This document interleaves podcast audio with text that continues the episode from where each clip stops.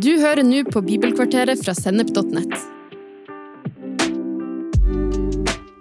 Bibelkvarteret er et kvarters påfyll i hverdagen fra Guds ord. Både til inspirasjon og introduksjon til viktige tema i Bibelen. Du vil også finne mer stoff på Sennep.nett som gir deg inspirasjon til å følge Jesus i hverdagen. Følg oss på Facebook og Instagram, og abonner på våre podkaster i den podkastappen som du bruker. En ting som kan virke underlig, er at Jesus snakket en hel del til disiplene om hvor lite tro de hadde. Samtidig var det disse samme disiplene han sendte for å forsyne Guds rike og helbrede syke. Har mengden tro egentlig noe å si, og hvor kommer den fra? Hebreabrevets forfatter viser oss at Jesus er grunnvollen for tro på Gud. Først gjenforteller han hva de store trosheltene i Det gamle testamentet utførte i tro. En stor sky av vitner som bekrefter at troens løp kan vinnes. Hebreerne 12,1.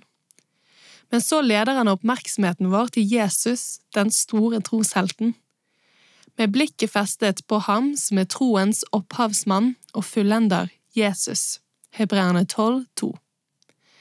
Eller som New English Bible gjengir verset, Jesus som troens avhenger av fra begynnelse til slutt. I Bibelselskapets oversettelse fra 2011 står det Ha tro til Gud. Markus 11, 22. Og det lever jeg i troen på Guds sønn. Galaterne 2, 20. Selv om denne måten å oversette disse versene på er fullt forsvarlig og ikke på noen måte villedende, vil en mer bokstavelig oversettelse gjengi disse setningene slik Har Guds tro. Markus 11, 22. Det lever jeg ved Guds sønns tro. Galaterne 2, 20, King James. De alternative oversettelsene får fram at Gud er troens opphavsmann. Gud er kilden til all sann tro. Jesus, Guds sønn, er troens opphavsmann og fullender, Hebreerne 12,2.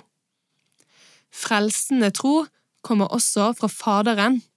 Det er Guds gave, Efeserne 2,8. Ånden inngir tro. Vi har den samme troens ånd. 2. Korinterne 4,13. Gud ikke bare befaler, men han lar folk vende om og tro. Han skaper omvendelse og tro. Han gjør dette ved å sende de sitt ord ved Den hellige ånds kraft, og dermed skaper tro i hjertene våre. Derfor kan vi si at Gud inspirerer og skaper tro, og at vår respons er å utøve denne troen. Tro er altså en overnaturlig inngripen fra Gud som innebærer at et nytt, overnaturlig liv fødes på innsiden av oss. Vi blir født på ny. Johannes 3,5.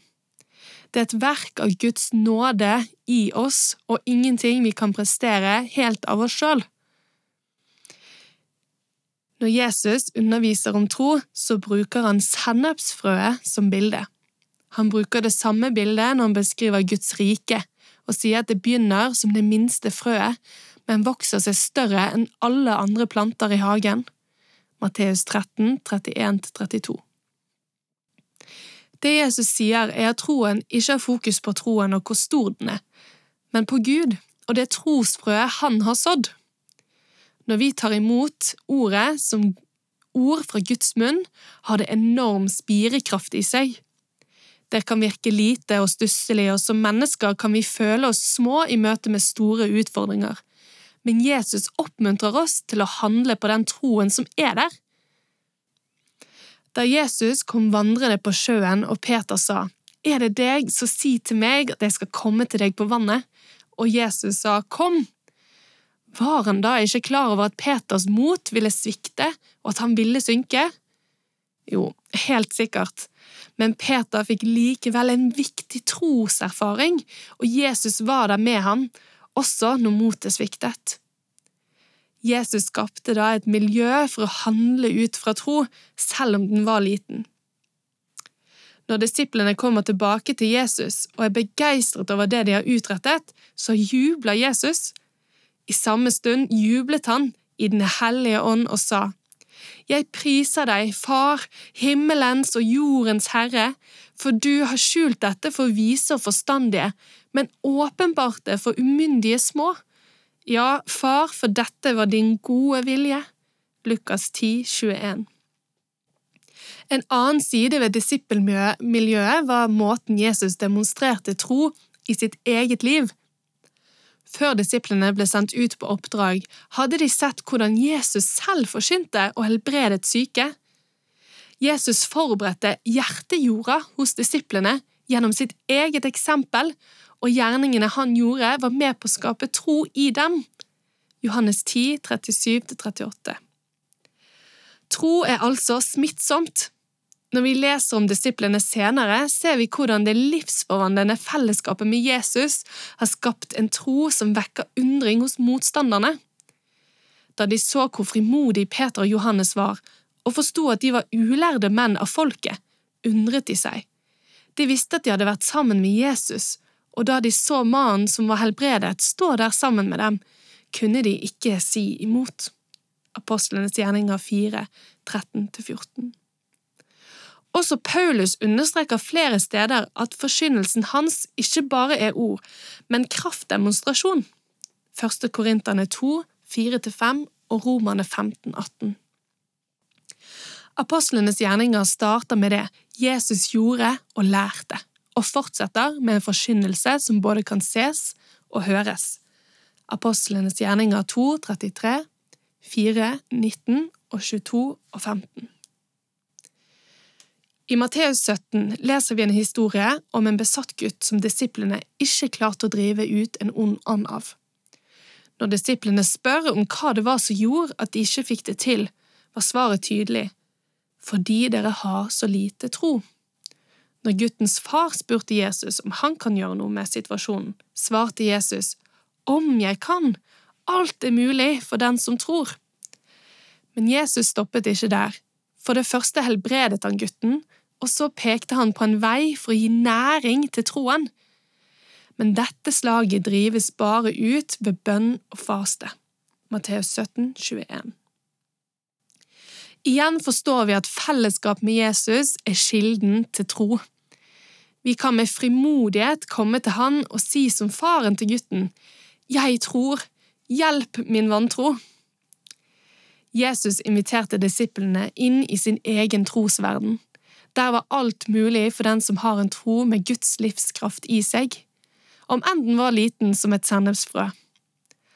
Han ønsket å løfte oss ut av de menneskelige begrensningene til å gjennomføre hans vilje overalt. Jesus fra Nasaret ble salvet av Gud med hellig ånd og kraft. Han gikk omkring overalt og gjorde vel og helbredet alle som var underkuet av djevelen, for Gud var med ham. Apostelens gjerninger 10.38. Sannelig, sannelig, jeg sier dere, den som tror på meg, skal også gjøre de gjerninger jeg gjør, ja, enda større gjerninger, for jeg går til Far, og det dere ber om i mitt navn vil jeg gjøre, så Faderen skal bli æret gjennom Sønnen. Johannes 14, 12–13 Og disse tegnene skal følge dem som tror. I mitt navn skal de drive ut onde ånder. De skal tale nye tungemål, de skal ta slagene i hendene. Om de drikker dødelig gift, skal de ikke skade dem, og de legger hendene på syke, skal de bli friske. Markus 16, 17–18 Jesus utfordrer oss som sine disipler til å leve og demonstrere tro og kraft som overvinner den ondes gjerninger og gjør Guds rike herlighet synlig. Det er mulig for en disippel å erfare det som rent menneskelig er umulig. Vi har et kall til å følge Jesus, og det innebærer å gjøre det samme som Jesus. I apostlenes gjerninger ser vi at de første kristne videreførte Jesu mirakeltjeneste. En side ved å gjøre det samme gjerningene som Jesus er å ha tro til at Gud er vår forsørger, slik at vi deler materielle goder der det er behov, og reduserer effekten av fattigdom og nød. Jesus hadde en kasse for de fattige, Johannes 13, 29, og apostlene så det å hjelpe de fattige som en del av sitt kall, Galaterne 2,10. Skal vi forstå Jesu budskap om tro, så må vi forstå hva Jesus kom for. Han proklamerte de gode nyhetene og sa, Tiden er kommet, Guds rik er nær, vend om og tro på evangeliet. Markus 1, 14–15 Jesus introduserte en ny tidsalder. Tiden var kommet for å bringe inn det riket som var lovd gjennom profetene. Den hellige ånds liv og kraft skulle bli tilgjengelig for alle som ville vende om og leve under Jesu herredømme. Johannes sier om Jesus at han ble åpenbart for å gjøre ende på djevelens gjerninger. 1. Johannes 3, 8. Jesu budskap om tro er altså ikke et lykkeevangelium for selvsentrerte kristne. Det må ses i sammenheng med oppdraget han har gitt sine disipler om å representere Hans rike gjennom liv og tjeneste, slik Jesus selv og de første disiplene levde. Det betyr også å ha tro for å ha ubehag og lide for evangeliet.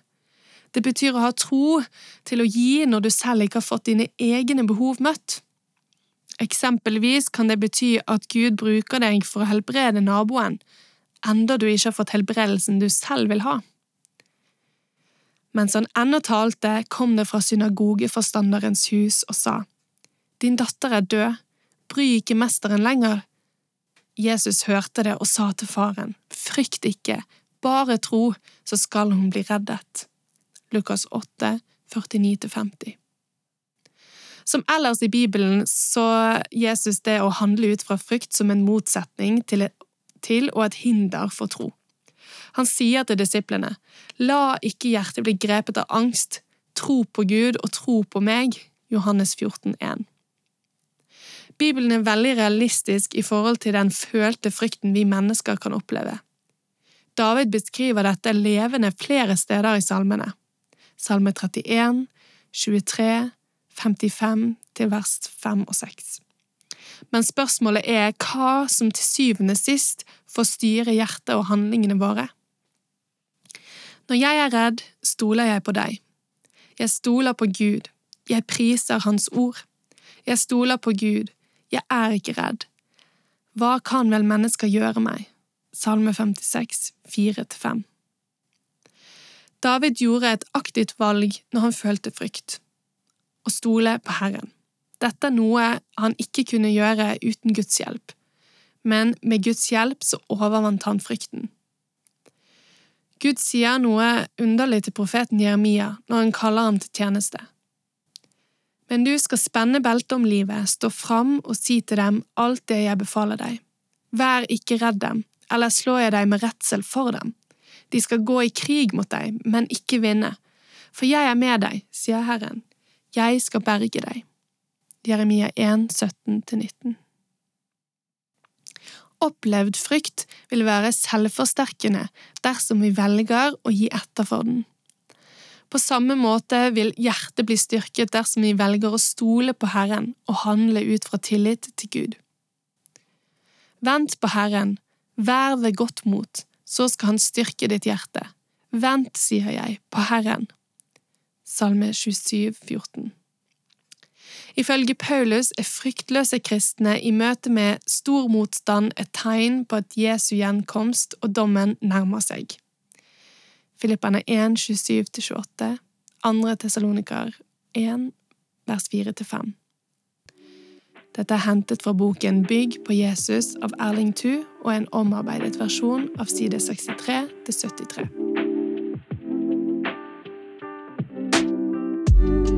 Du har nå hørt en episode fra Bibelkvarteret på sennep.nett.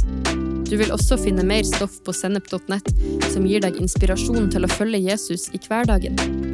Innholdet på Sennep er gratis og tilgjengelig for alle, takket være økonomisk støtte fra kristent nettverk, menigheter og enkeltpersoner.